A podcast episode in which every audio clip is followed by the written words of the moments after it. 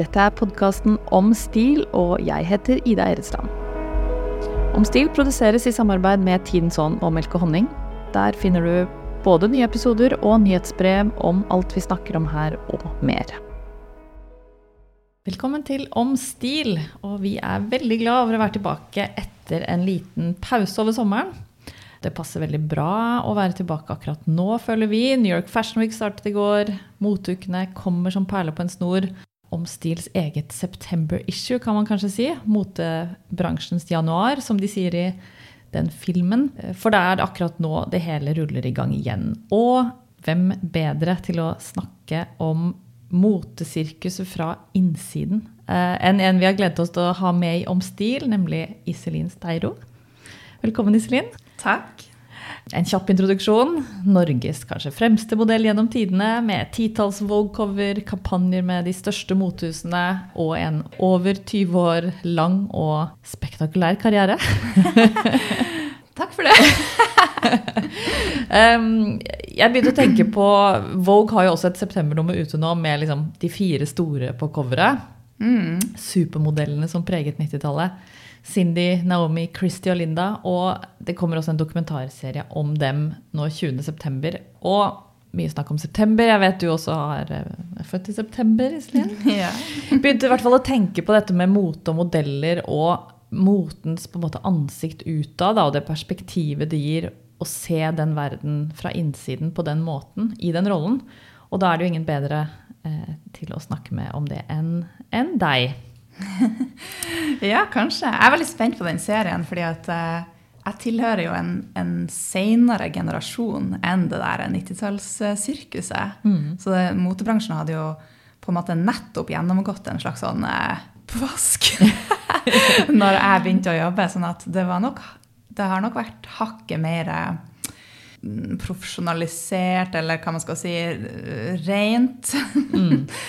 og um, mindre ulovligheter i bransjen generelt etter dem, da. Men jeg har jo hørt ville historier fra den tida som sikkert blir å Jeg håper vi får både se og høre flere ting fra, fra, ja, den, ja, ja. fra, fra deres tid, da. Mm. Ja, for det var litt mer eh, Kanskje både sex og drugs og rock'n'roll da, holdt jeg på å si. Absolutt. Ja. Og um, man snakker jo om uh, ulike industrier med som var liksom metoo og sånne ting. Men moteindustrien hadde jo, som du sier, da, et oppgjør med dette kanskje litt før andre bransjer, nesten? Uh, ja, det var i hvert fall Ja, det var jo egentlig det, men da var det kanskje ikke metoo. Da var vi vel nede på sånn barnearbeidnivå. Hallikvirksomhet. Nei da. Um, nei, men jeg har faktisk ikke sett den dokumentaren, da, men jeg tror det var det som skremte i hvert fall mora mi den gangen jeg ble approacha, mm. at hun hadde sett noen skumle greier på TV som handla om en eller annen agent, var det vel, i Milano som ja, utnytta jenter til både det ene og det andre. Og 14-åringer som ja, jobba under forferdelige forhold og sånn og sånn. Jeg tror det var den oppvasken der de jo tok først. Mm, ikke sant? og så kom jo metoo, som i alle andre bransjer, da, senere nå. men... Men det var i hvert fall ganske sånn Jeg har ikke opplevd noen forferdelige ting, for å si det sånn. Nei, ikke sant. Siden jeg gjorde min entré på tidlig 2000. Nei. ikke sant. Og det, det, det, høres jo litt sånn spesielt ut. Men på mange måter er det er jo en fryktelig profesjonell bransje. Ja. Og det er hard jobbing. Så jeg har ikke opplevd liksom forferdelige ting, men jeg har jo opplevd å bli pressa ganske hardt, da. Men det er jo en del av gamet, tenker jeg. Mm. Eh, har i hvert fall vært det, da. Mm. At eh, på, den, på den shooten her så skal vi få til et eller annet, og koste hva det koste vil. Og om, om vi så sover to timer i natt, så skal vi få til det bildet der. Ikke sant? Og den eh, på en måte bobla, det er kanskje blitt litt sånn borte etter man har rydda opp nesten ja, for, i de siste årene. Mm. Ikke sant? For, og for deg som modell, og teamet tenker ok, nå skal vi liksom gå til siste skanse for å få til dette. så er det jo du som kanskje må opp og gjøre det samme neste dag igjen med et nytt team. Ja. Potensielt. Ja. Sånn at det er ikke for uh, det er ikke for pyse hvis du skal ha en sånn type karriere. Da må du være villig til å bli utslitt. mm. Og det er jo kanskje ikke så bra i lengden, da, men eh, der har jo jeg lært noen lekser opp igjennom etter mine over 20 år. Ja, så må man jo etter hvert vite hvor sine egne grenser går da på, mm. på sånne ting. da. Ja, for um, vi kan jo begynne litt på begynnelsen. og eh, til lytterne der ute. Vi møttes jo faktisk på din, en av dine aller første jobber ja. ever. Ja. Det må kanskje andre jobben eller noe sånt. sånt I Norge. ja. um, jeg har jo også jobbet som modell. Vi har samme modellbyrå i Norge. Ti modeller. Um, om enn ikke i samme liga. La meg bare si det. Iselin er i Champions League, jeg er i Obos-ligaen, kanskje. Men eh, en, en, en, viss forskjell. Men jobben går jo på mange måter ut på det samme. Uh, og i Norge så har vi jo hatt litt de overlappende på en måte, sirkler i perioder, da. Men den første jobben var vel for L med Eh, Pauline Nærholm som stylist, Katrine Wessel som fotograf. Uh, ute på Larkollen. Det var vel ei øy utafor Larkollen? Ja, det var det. Stemmer det. På hytta til fotografen. Ja, sånn var det. Et veldig fint shoot. Altså et sånn fin hyttetur-feeling. Det var veldig, veldig gøy. Og jeg husker jo også at det var liksom Det lå i lufta. Alle visste at Iselin, selv om dette var nesten typ førstejobben, kom til å bli noe stort. det, det, det, her som lå i lufta, det var ikke jeg klar over. Ikke sant? Nei, ryktene gikk på byrå, og det var liksom sånn Oi, hun Iselin skal være med. Hun, hun, som vi bare har hørt om, og som bor i Nord-Norge. Men som kommer til å bli en kjent modell. Og sånn gikk det jo. Ja. Så hvordan tror du, eller hva tror du på en måte Du har kanskje fått dette spørsmålet før, men altså, kan tenke litt på det samme. Hva er det som gjør at man liksom har et sånt råpotensial til å bli en eh, stor modell, eller har du fått høre det opp igjennom fra noen, f.eks.? Jeg kan begynne på min begynnelse når jeg tenker rundt det spørsmålet der, fordi at jeg har sett bilder av meg sjøl den dagen jeg ble plukka opp på gata i London. Den historien har jeg fortalt mange plasser. Så. Eh, men jeg ser liksom ikke helt hvordan de så dette potensialet. det, for det er jo noe med når man er så ung. Jeg var 14 år på det tidspunktet der at uh, du har på en måte ikke fått dine ordentlige features ennå. Mm. Fjeset er ikke forma, det er for mye babyfett mm. der til at du liksom ser hvordan dette fjeset egentlig ser ut. Mm.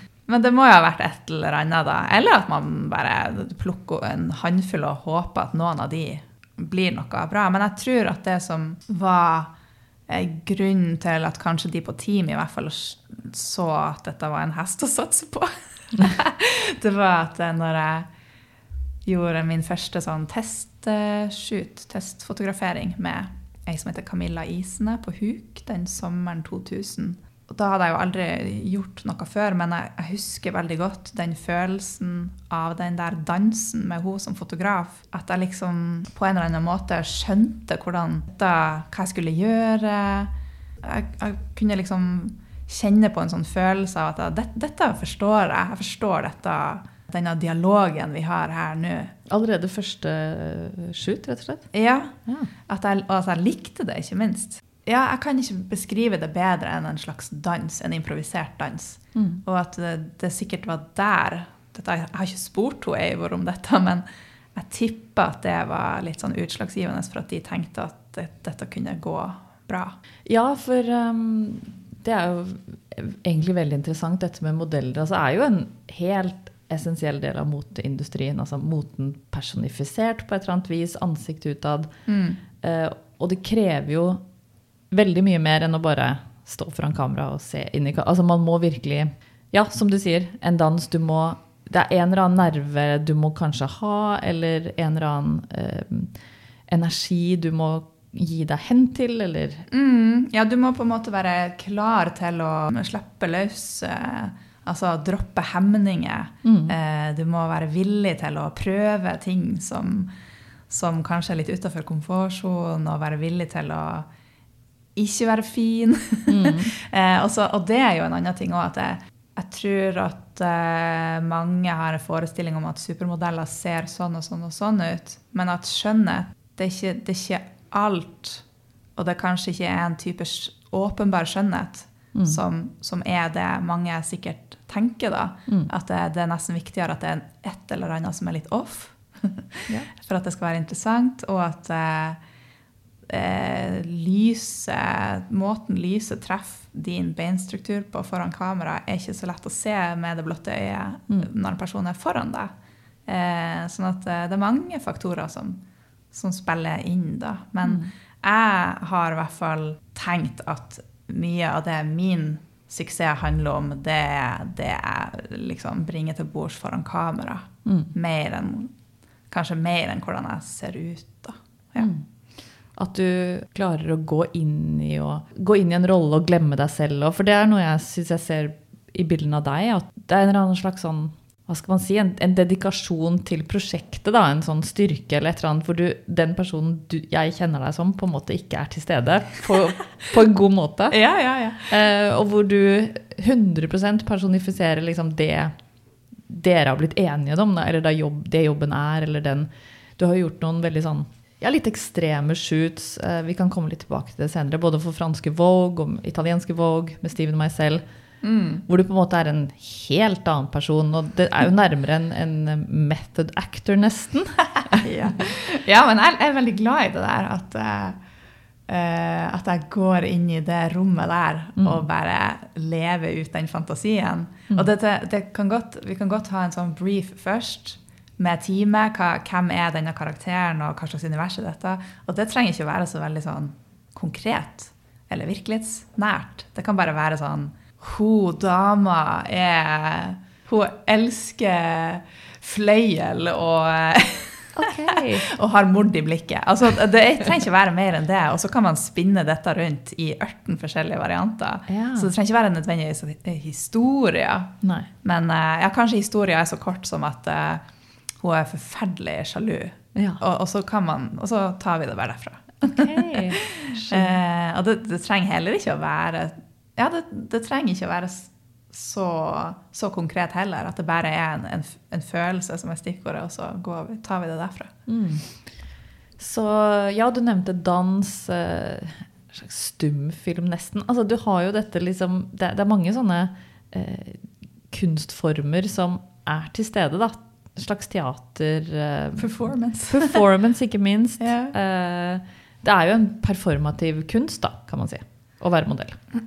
Ja, takk. Det var jo veldig flott sagt, da. Men eh, det, på sitt beste er det jo det. På sitt verste er det jo ikke det overhodet. Da er vi jo mer over i kleshengerland. Ikke sant? Og hva, hva er det verste så, så, Ja, fine ting med jobben. Det verste med jobben, hva kan det være, da? Eh, nei, det må jo være det, da, hvis man, hvis man er på en shoot der man ikke føler at man er verdt noe mer enn å være en kleshenger for de klærne. At du ikke blir sett, at du ikke liksom eh, Du er ikke du er usynlig. Da. Det tenker jeg er den verste enden av skala. Men jeg har jo vært veldig heldig i min, i min karriere og fått jobbe med de fotografene og på de prosjektene som har hatt en kunstnerisk ambisjon. Mm. Sånn at jeg tror kanskje ikke jeg hadde gidda mer hvis jeg hadde endt opp som en katalogmodell. Og ingenting vondt om det, men jeg tror ikke jeg hadde fiksa det så bra. Jeg har, eller jeg har liksom lyst til å delta litt mer Mm. kreativt. Ja. Mm. Og ja, jeg har jo også jobbet eh, som modell, og det er jo Det er mye gøy med det i Hver dag er ulik. eh, Du jobber med morsomme team. Du Det kan dukke opp jobber ut av ingenting som er kjempespennende. Altså. Og ikke så minst det er performativt på den måten hvor du liksom Det er jo, det er jo veldig mye gøy. Um, men, uh, men en ting kan jo være en mangel på en sånn agens i forhold til hvordan ting skal se ut og være. En annen ting kan jo bare være at man må stå opp så utrolig tidlig, f.eks. ja, og stå i, og stå i bikini minus ti grader. ikke sant? Sånn der, sånne ting. Det er ikke, det er ikke en behagelig jobb. Det er ikke en behagelig jobb, og den er ikke glamorøs på den måten at ja, call time, som man sier, er liksom aldri etter halv sju på morgenen. Nei da. Det, det er Eller jo, nå når jeg er blitt gammel, så Så sier du ja, jeg kommer ikke før. Ja, da, da kommer jeg. Jeg kommer etter åtte, takk. Ikke sant. Eh, men også tenker jeg på eh, det nivået som du har jobbet, hvor du ja, man blir flydd rundt omkring, det er liksom alltid noe som skjer, men man er jo mye alene, f.eks. Ja. Det er fordel å være introvert. Og ha en bok og Ja. ja. Du må klare det. Det er veldig mye alenetid, men det har jo jeg personlig likt. Ja. Sette på fly åtte timer og tenke. Mm. Høre på musikk. Men uh, det, det er jo ikke helt sant, til meg å si. Det er jo glamour involvert på dette nivået, men det er ikke på sett. Nei. Det er rundt. Mm. Det er å flyge på business etter hvert, når man kommer seg opp Ikke sant? på rangstigen. Bo på fine hoteller og gå på fancy middager og sånn. Men selve jobben er ganske sånn Ja, da må du være klar. Og prestere, ikke minst. ja. Eh, ja, og det har jo du gjort på en, eh, på en måte hvor du eh, er i helt øverste divisjon, er et industry icon, som det sies. Um, men også har privilegiet å jobbe med de, de aller flinkeste fotografene og, um, og stylistene der ute. Kan vi, kanskje vi skal ta det helt tilbake. Nå er det jo New York Fashion Week. Du startet vel for nøyaktig 20 år siden, i 2003, på New York Fashion Week. Så det er 20-årsjubileum, rett og Ja, slett. det er det, rett og slett. Ikke minst. uh, ja. I 2003, da um, var jeg der um, i sommerferien med søstera mi. Gikk rundt på castings. Det funka veldig bra. Men ikke gjorde noe sånn sto, store jobber der. da. Det var mer for å tes teste hva, hva dreier dette seg om. Men da, altså den der Fashion Week i september 2023, da reiste jeg og hun Eivor Øvrebø fra Team over. Og jeg gikk på 80 castings eh, og ble da plukka opp av Calvin Klein. Så yeah. det var min første visning.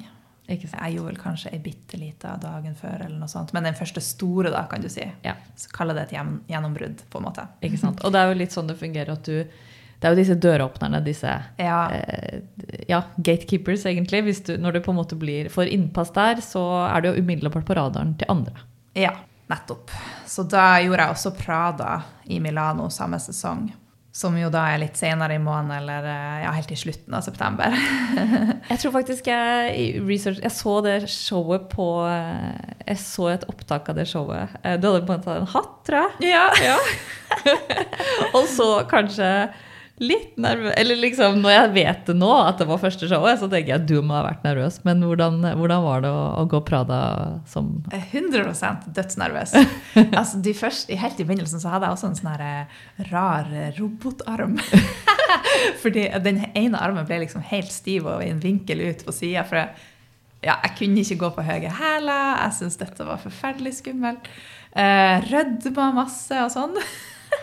og moteshow Det tok lang tid før jeg liksom ble komfortabel med den arenaen der. Jeg har alltid vært mye mer eh, har alltid følt det mye mer at fotoshoot, det, det er min arena. Ja, ikke sant? ja, så, men uh, Men det har ikke hindret deg i å ha gjort absolutt alle shows som er å gjøre heller. Nei da, såpass motivert var jeg jo. Ja. Jeg måtte jo komme over denne øh, skrekken. Ikke sant? Ikke skrekk, men uh, det stemmer at jeg var forferdelig nervøs. Og kan fortsatt bli tatt av det litt. Mm. Selv om jeg slutta med den voldsomme rødminga. Og denne armen fikk jeg jo kontroll over. Omsider. Men det var mye øving. Øving på høye hæler. Ja, ja, ja. ja. Ikke sant? Eh, men jeg ble jo booka, da, så det var jo et eller annet. Men så reiste jeg jo hjem, faktisk. Eh, Dette, den sesongen der, 2023, var jo litt sånn test. Funker dette? Ja, det funker. Jeg dro hjem, fullførte videregående, for jeg hadde ett år igjen på videregående. Og så reiste jeg til New York når, når jeg var ferdig med videregående, da, i 2004. Ikke sant? Og, og bare for å sette det sånn i perspektiv. Har du gjort Calvin Klein, kanskje beste show i New York? Har du gjort Prada da på den tiden, i hvert fall det største showet i hele motesirkuset? Da er du inne, liksom. Det i hvert fall tenkte mine agenter, at Ja. dette er bankers. Mm. Jeg vet ikke om jeg tenkte sånn sjøl. Jeg tenkte vel at eh, jeg bare skulle ha et år, sånn som andre dro på folkehøyskole. Så dro jeg til New York. At det skulle være liksom Et friår. Ja, et slags friår. Oppleve et eller annet før jeg drar til Trondheim og studerer, sånn alle vennene mine. Men det ble jo ikke helt sånn, da, for det begynte jo å rulle ganske fort. Og da er det, mm, som du sier, du trives best foran kamera. Du får noen samarbeidspartnere, noen team, noen gode fotografer spesielt, da, som du jobber med, som, eh, som gjør at du, du knekker den koden og kommer, eh, kommer i gang. Ja, altså når jeg sa at eh, de tenkte det var bankers, så er jo det litt sånn flåsatt sagt. For jo, det er jo litt sånn som i alle kreative, performative bransjer, at du er jo på en måte bare så god som ditt forrige prosjekt. Mm. Eh, så du må jo prestere hver eneste gang, egentlig. eh, som gjør at du blir booka igjen. Men eh, ja, jeg har Jeg var jo veldig heldig der i begynnelsen og fikk mulighet til å, å vise at jeg hadde det som skulle til Mm. um, med visse fotografer og sånn. Så da har jeg jo jobba med noen, noen store fotografer veldig mye, da, som, som er jo veldig viktig, egentlig, i en sånn eh, At det skal bli noe av en karriere, for de snakker din, din sak Mm. hvis du skal bli booka til en jobb. Mm. Eh, så er det jo flere med der som velger hvem som skal få dette Ja. eh, dette oppdraget. Da. Eh, så mine kanskje sånne eh, nøkkelpersoner av fotografer da, er jo David Sims og Steven Meisel og Mario Sorrenti har jeg jobba mye med. Craig McDean. Det har vært noen sånne store navn som har eh, ja, Mm. som jeg har hatt et godt samarbeid med, da, kan Ja. man si. Ja, og for å sette det i perspektiv for, for lytterne, så er jo David Sims eh, jobbet veldig mye, og mye med deg, for franske Vogue spesielt. Eh, og gjort jeg mener, alt mulig. Steven Weissel er jo en, en legende i moteindustrien. Eh, Og de to er veldig forskjellige, det kan vi komme tilbake til. Ja, og gjør alt for eh, Eller har gjort alt, og alle covere. Sånn eh, standing avtale, i hvert fall tidligere om. Gjør alt for uh, italienske Vogue. Legender i, uh, i spesielt motefotografifeltet, da. Mm. Um, og vi kan komme litt tilbake til det, men det er jo uh, Ja, franske Våg har vel tidlig vært en sånn eh, plass der du på en måte fikk vist dine talenter eh, i, i veldig stor grad, da. Og gjort masse spennende prosjekter med det. Ja, absolutt. De er jo veldig, de er veldig forskjellige eh, italienske, eller var i hvert fall før. Nå har jo ting endra seg med måten de har organisert Condonasta har organisert seg. Det skal du sikkert snakke om i andre podkaster. Men franske Vogue var, var litt med hakket mer street, kommersiell. Mm. Litt mer livlig, kan du si. Mm. Italienske var litt mer over i kunstverden. Mm. Der var han Steven Meisel, opererte mest der. David Sims mest på franske Vogue. Og um, hvis vi tar de to fotografene, da, så er det jo Eller først kan jeg bare si at uh, det som jeg på en måte har drevet meg Jeg var jo ikke sånn som hadde lyst drømte om å være modell når jeg var liten. Dette kom jo inn fra venstre på en shoppingtur med foreldrene mine i London. Eh, men det at jeg liksom oppdaga at jeg likte det der, den dansen som jeg snakka om med fotografen, um, er jo på en måte det som jeg drevet med i karrieren. Få til, få til det gode bildet. Fange det øyeblikket. Skape den, den fantasiverden, det, det universet som, som liksom fotografen eh, ser for seg. Ja, ja. Eh, og han Steven Meisel, han er jo faktisk utdanna billedkunstner. Mm. Og det er helt, helt motsatt nesten som å være på en shoot med han David Sims. Okay. Ok. På Steven Meisel sin shoot, så har han, han har på en måte satt opp det her tablået Ja. før vi kommer på scenen Ja. eh, på sett, og plassere oss rundt der og dandere oss i bildet ja. som et maleri. Og så handler det veldig mye om for oss, da, når vi er kommet inn i posisjon her, og på en måte formidle dette i ansiktet. Okay. Eh, at det er veldig sånn subtile, små vinkler og blikk og uttrykk og sånn. Og så når han har fått det han vil ha, det han har sett for seg, sin visjon, så er det sånn freestyle på slutten. Mens på David Sims sitt shoot, Ja. så er det motsatt. Da, er det, da starter vi med den leken. Ja. Eh, og vi på en måte hopper litt rundt. Og, og når han har liksom funnet et sånt eh, et sånt energi, et sånt øyeblikk der Her er det energi, her kan vi fange noe. Da er det freeze. Oh. Stille inn lyset, eh, eh, eh, og, så, og så gjenskape denne da, bevegelsen eller, eller det, det, det pustet, eller Det kan Ja. være så mye rart. Men, men det, du må liksom stille deg inn på helt to forskjellige moduser med de to fotografene. Så gøy, for når du sier det sånn, så ser man det jo for seg. Ja. Hvis du skjønner. De, Ja, ja. i De, fordi de, dette kan jeg også, tenkte jeg også lage Legge ut litt så folk kan se. Men, eh, men virkelig, det er, eh, det er veldig morsomt når du sier det. For det, den energien i begge, eller den sti, sti, stillestående, veldig orkestrerte, Ja. mens den hos David Sims som er sånn vill, men også fryst, som du sier. Det Ja, ja. Mm. Ja. Så det er på en måte den der eh, Det er nesten som en sånn porselensdukker ofte i, i Steven Meisel sine bilder, mens i David Sims sine så er det den der uh, lekende jenta på en eller annen måte. Så, så gøy. Ja, for jeg, har, jeg tenkte også å spørre deg om noen litt sånn ikoniske serier du har gjort, annet uh, en som jeg Eh, alltid dra fram eh, hvis jeg f.eks. skal forelese om motefotografi. ok, eh, Det er den State of Emergency av Steven Meisel. Oh, ja, ja, ja. Klassiker. For, ja, for den er jo ganske Den er helt ekstrem. Den, den tar på en måte opp i seg dette med hvordan mote formidler komplekse ideer rundt politikk, former for kontroll, altså hvordan man på en måte glamoriserer noe veldig komplekst og vanskelig. Mm. Eh, samtidig som du har dette filmatiske, cinematiske elementet som, som, er tydelig. Kan du fortelle litt om den serien? Den er eh, Eller hvordan du husker den? Det var morsomt at du sa filmatisk der, for vi, vi gjorde den jo faktisk i et filmstudio i Hollywood. Ah, ja. Der de har ei sånn New York-gate. For det er jo noen sånne bilder der med noen sånn politimenn som liksom trykker meg ned i bakken og sånn. Ja, kanskje vi introduserte det litt lite først, så folk får bilde eller skjønner hva det er. Du, du er en eh, terrorist, kan man si? Eller? Ja, ja, kanskje det. Sannsynligvis. Mm. Eh, helt uh, flawless kledd, selvfølgelig. Ja, ja. Eh, går du inn på et fly, du har et veldig sånn eh, mystisk uttrykk i ansiktet, eller du går i en sikkerhetskontroll, er det. Ja. Eh, og så eh, ser du også klipp til at du er i våpentrening. Mm.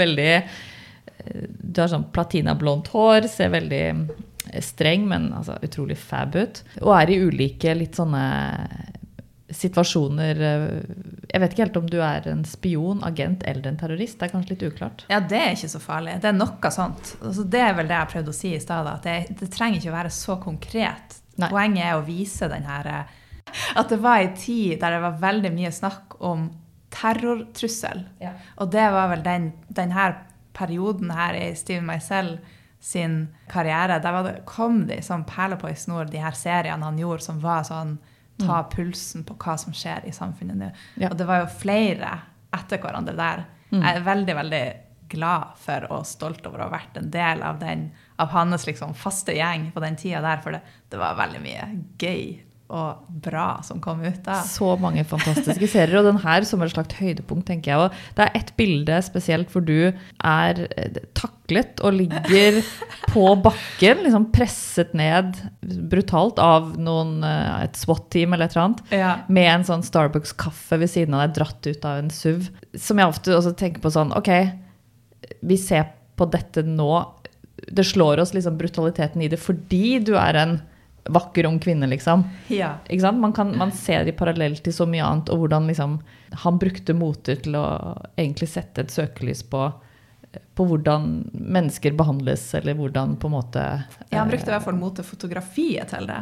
Men uh, det, dette er jo litt morsomt, da, og litt i kontrast til det jeg sa i stad om her, de her veldig kontrollerte settene hans. fordi at akkurat på denne shooten så var det jo litt mer sånn vold han var ute etter, nærmest. Ja, ja. Og de mennene der på akkurat det bildet, de var jo sånne struggling actors i Hollywood mm. som virkelig spilte ut uh, Get down the floor! Jeg hadde blåmerker etter oh, wow. den skyten der. Oh, wow.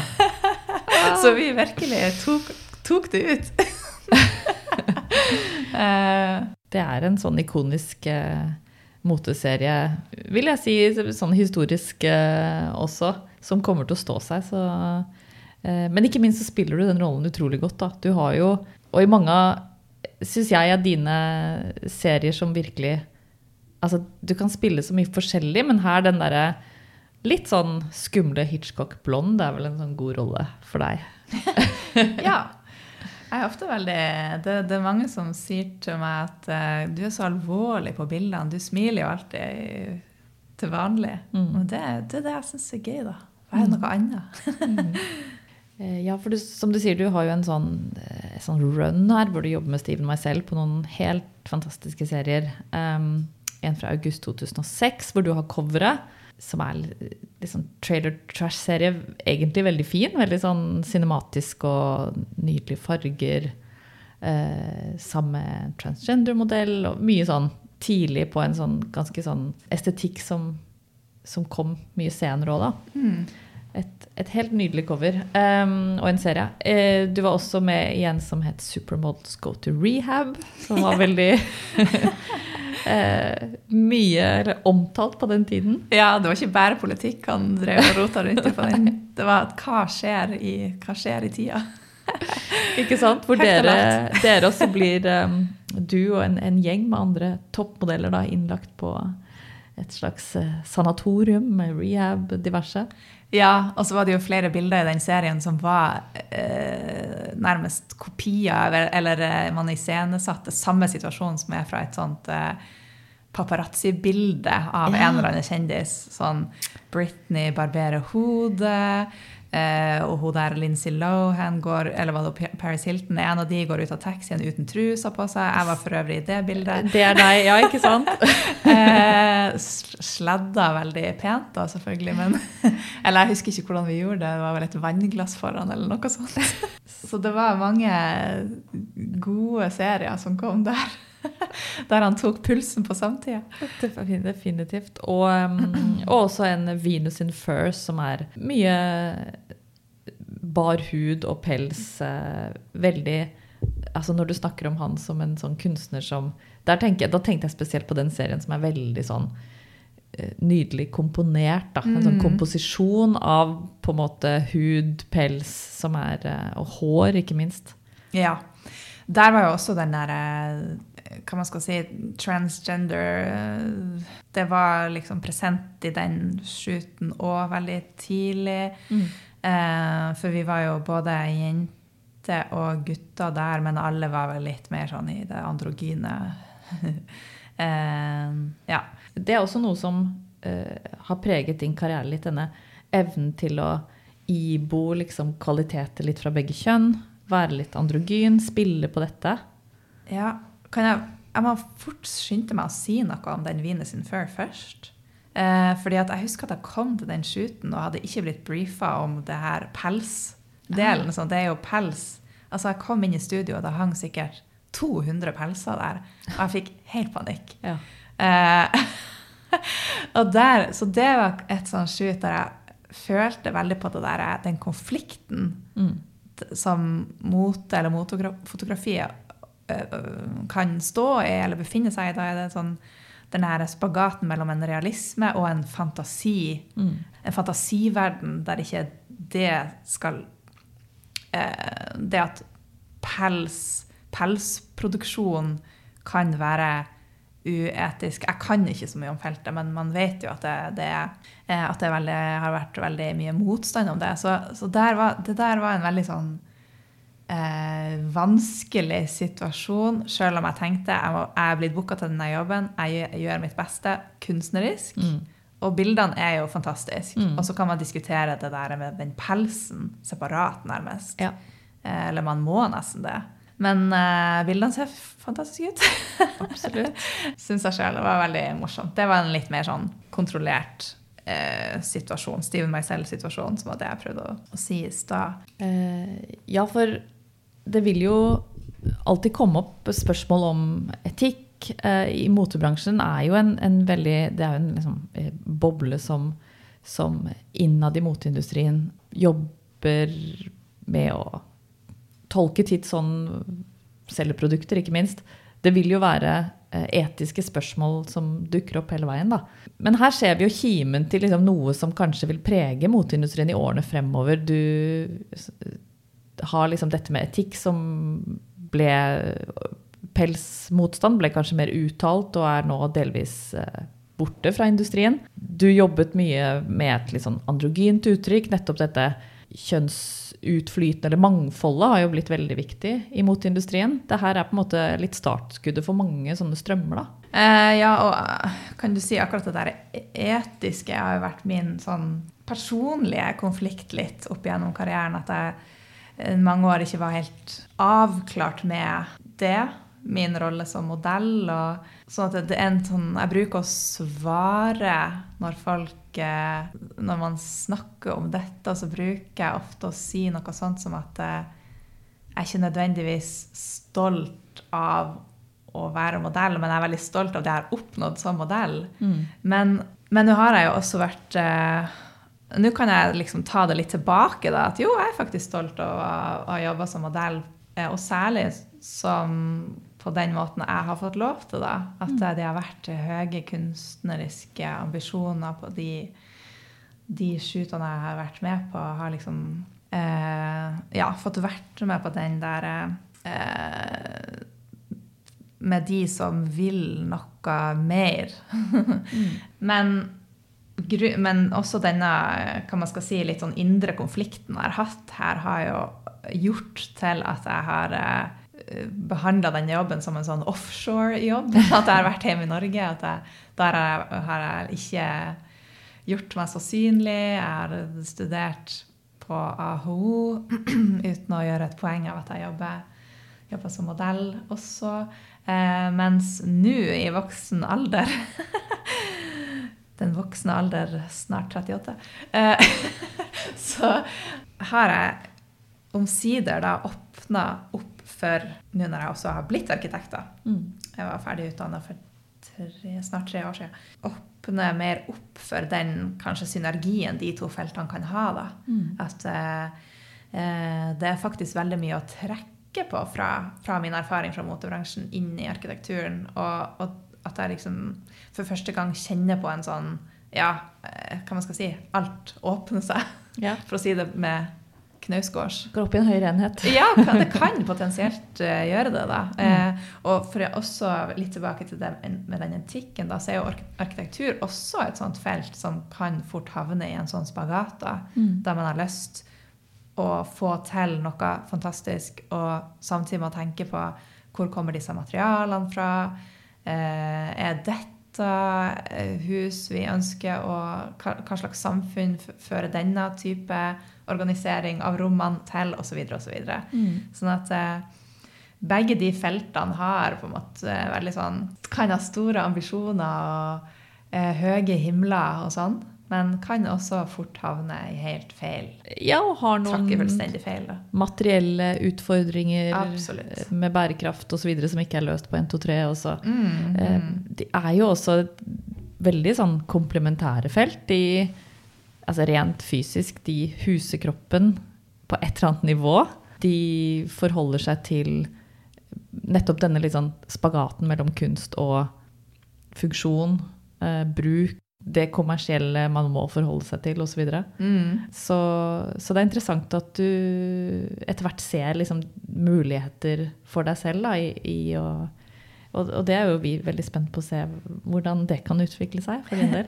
Ja, men ikke bare for meg personlig, men for liksom bransjen, da. Mm. At uh, Jeg ser på det på, som to ting, da. At uh, den koblinga mellom, mellom mote og arkitektur At den ene tingen er jo det her eh, Det huset, din eh, garderoben, grunnpakken på Mm. mange måter. Der jeg er veldig opptatt av eh, kvalitet og varighet og klassikere, og at det er på en måte eh, At eh, det grunnleggende som må, må komme der, da. Mm. Både, både for bygninger og for garderobe. Mens den andre måten man kan se på forholdet mellom eh, mote og arkitektur, eller kan man, ja, motefotografiet kanskje, nesten. Ja. For meg og arkitektur er jo det der eh, det som har med følelser å gjøre. Mm. Eh, atmosfære, altså virkemidler, det gode, det gode bildet, å fange øyeblikket og sånn. Og der syns jeg det er veldig masse spennende som, som er i arkitekturen, da, er jo temporært. Altså sånn set design for catwalker, Mm. installasjonsarkitektur, eh, altså utstillingsarkitektur, sånne type ting. Syns jeg også er et veldig spennende område. Da. Så det, det er flere måter å liksom, mm, skape den her eh, overføringsverdien på. Ja, det er vel litt en sånn et sånt sensibilitet som du kanskje snakker om nå, som jeg føler at du kanskje har tatt med deg inn i, i moteindustrien alltid, og som syns i det du gjør. Da. Den, den, kanskje din sånn grunnholdning, eller det høres litt rart ut, men det er en eller annen form for liksom bevissthet og intelligens i Oi. Ja, ja, men jeg tenker, jeg må jo bare si det. At det, det, Det det, er skryt ja, jeg tror det. Men det er et eller annet som, som jeg tenker industrien har sett. Jeg prøver på en måte bare å sette ord på det. da. Hva er det som på en måte Det du har tatt med deg inn og klarer å formidle gjennom bildene, kanskje, synes kanskje litt i hvem du er i dag, da, hva du jobber med og hva du gjør, og hvilke tanker man har i det osv. Eh, for jeg syns jo mote er et, et, et medium som rommer ofte mye mer enn det man kanskje gir det credit for, da. Og du har kanskje lært mye, tenker jeg, gjennom eh, det du har, eh, det du har gjort i, som modell, som du tar med deg nå. Mm, ja, jeg, har, jeg håper det. Jeg begynner i hvert fall å se det litt klarere nå enn før. Jeg har åpna den eh, eh, skilleveggen, revet den ned. eh, ja. Så, eh, men jeg må jo også si litt da at jeg er jo faktisk ikke så veldig opptatt av mote. Nei, det At, er jo eh, forskjellen på oss. Ja, eller vi kan jo si trender, da. Jeg, så, jeg får det jo med meg fordi at jeg er i det jeg er i det miljøet på mange måter, men jeg er jo, ja, som jeg sa, mer opptatt av sånn følelsen. Ikke sant? Jeg, må si, jeg husker jo, Vi har jo liksom eh, holdt kontakten litt opp igjennom. Og jeg er jo, har jo vært veldig opptatt av mote, mens du har vært helt sånn på innsiden og ikke så opptatt av det. Og det, og jeg, det var så morsomt de gangene vi har møttes sånn Jeg husker jeg eh, var i New York og jobbet, og du var og jobba som modell, og du var veldig sånn da var jeg liksom høyskolelektor, og du var veldig sånn 'Hvordan er det? Er ikke det gøy?' Og jeg var sånn 'Hvordan er det? Er ikke det gøy?' ja. Å, herregud. Ja. Nei, men eh, det er absolutt ikke interesse for mote som har drevet meg i den karrieren. Men det er jo som sagt masse annet som du sier å ta av der. Det er ikke nødvendigvis hva er trendene denne sesongen. Nei. Det er det gode bildet og kvalitet og eh, ja, hva skal man si, branding mye, da. Det er masse å plukke opp på mange ting. Ja. ja, det er en eh, gigantisk industri, og, og det å på en måte, sånn som du har hatt, ha liksom access helt på det øverste nivået, har jo overføringsverdi Ja. ikke sant, til, Mm. til andre ting. Det, det, I hvert fall hvis du har eh, øyne og ører åpne og er interessert. Da. ja. Nå eh, skal vi, skal vi runde litt av etter hvert. Men eh, for å, for å, å fortsette der, da. Altså, eh, om- stil. eh, apropos ha øyne og ører åpne og din personlige stil. Har du blitt veldig påvirket av å være så eh, tett på high fashion i alle disse årene? Ja, altså, jeg, for å si det sånn, jeg skjønner veldig godt hvorfor eh, designere og arkitekter og sånn ender opp med å bare gå med svart. Til slutt. Fordi det er så mye Det skal, det skal uttrykkes så mye i det du har rundt deg, det du lager, det du Du utfolder deg alle andre plasser enn på deg sjøl. Ikke sant? Eh, så em, om jeg har blitt påvirka? Ja, altså Det har jo med det jeg sa i stad, at jeg er jo ikke, jeg er ikke en uh, fashion freak. Uh, men jeg får selvfølgelig med meg hva som er kvalitet. Hvilke brand som har den der genseren som kan funke til absolutt alle ting. Eh, de gode snittene og sånn. Klassisk arkitekt. Ja, ja, ja. Varighet og linje og sånn. Veldig viktig. Sånn at jeg, jeg tror ikke jeg er blitt så påvirka av jeg går, Selv om jeg syns det er fantastisk å ha på meg noen ville kreasjoner på jobb, som f.eks. den der metallkjolen jeg hadde på det Balenciaga couture-showet i sommer. Eh, sånn 3D-printa, custom-made korsett med en sånn rosa metallemalje. Altså, det er jo helt utrolig, men jeg går jo ikke med den kjolen. sånn at min sånn eh, stil, hvis man skal si det sånn, er jo det, er komfort et, eh, et nøkkelord. Og det er ikke det at jeg går i, i liksom eh, joggeklær og allværsjakke, selv om jeg også gjør det. Jeg er veldig sterk forkjemper for allværsjakken, som en ekte nordlending skal være.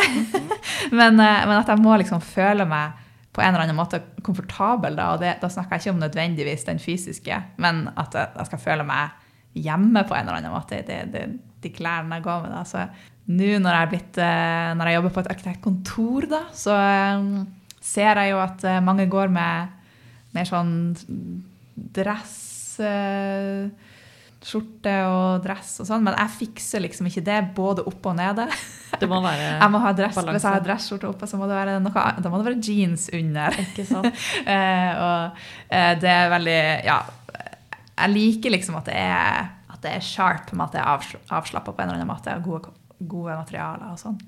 Men eh, ja, jeg så jeg og Anders, eh, mannen min, da vi så den siste filmen vi så ferdig, for vi deler de jo opp i tre deler ofte pga. dette småbarnslivet, at man ser en, en halvtime hver kveld. Men den siste vi kom oss gjennom, da var Tar. Ja. Eh, den her med hun Kate Blanchett. Kate Blanchett ja, som eh, komponist, og der var det veldig mye bra fashion, må jeg si. Det er, min siste stilinspirasjon, er de her, de her eh, dressene hun går med, som likevel er sånn løs og ledig, og fantastisk snitt. Og, ja.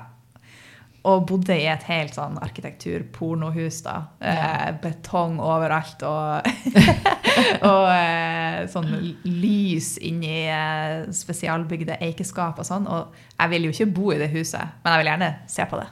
Ikke sant.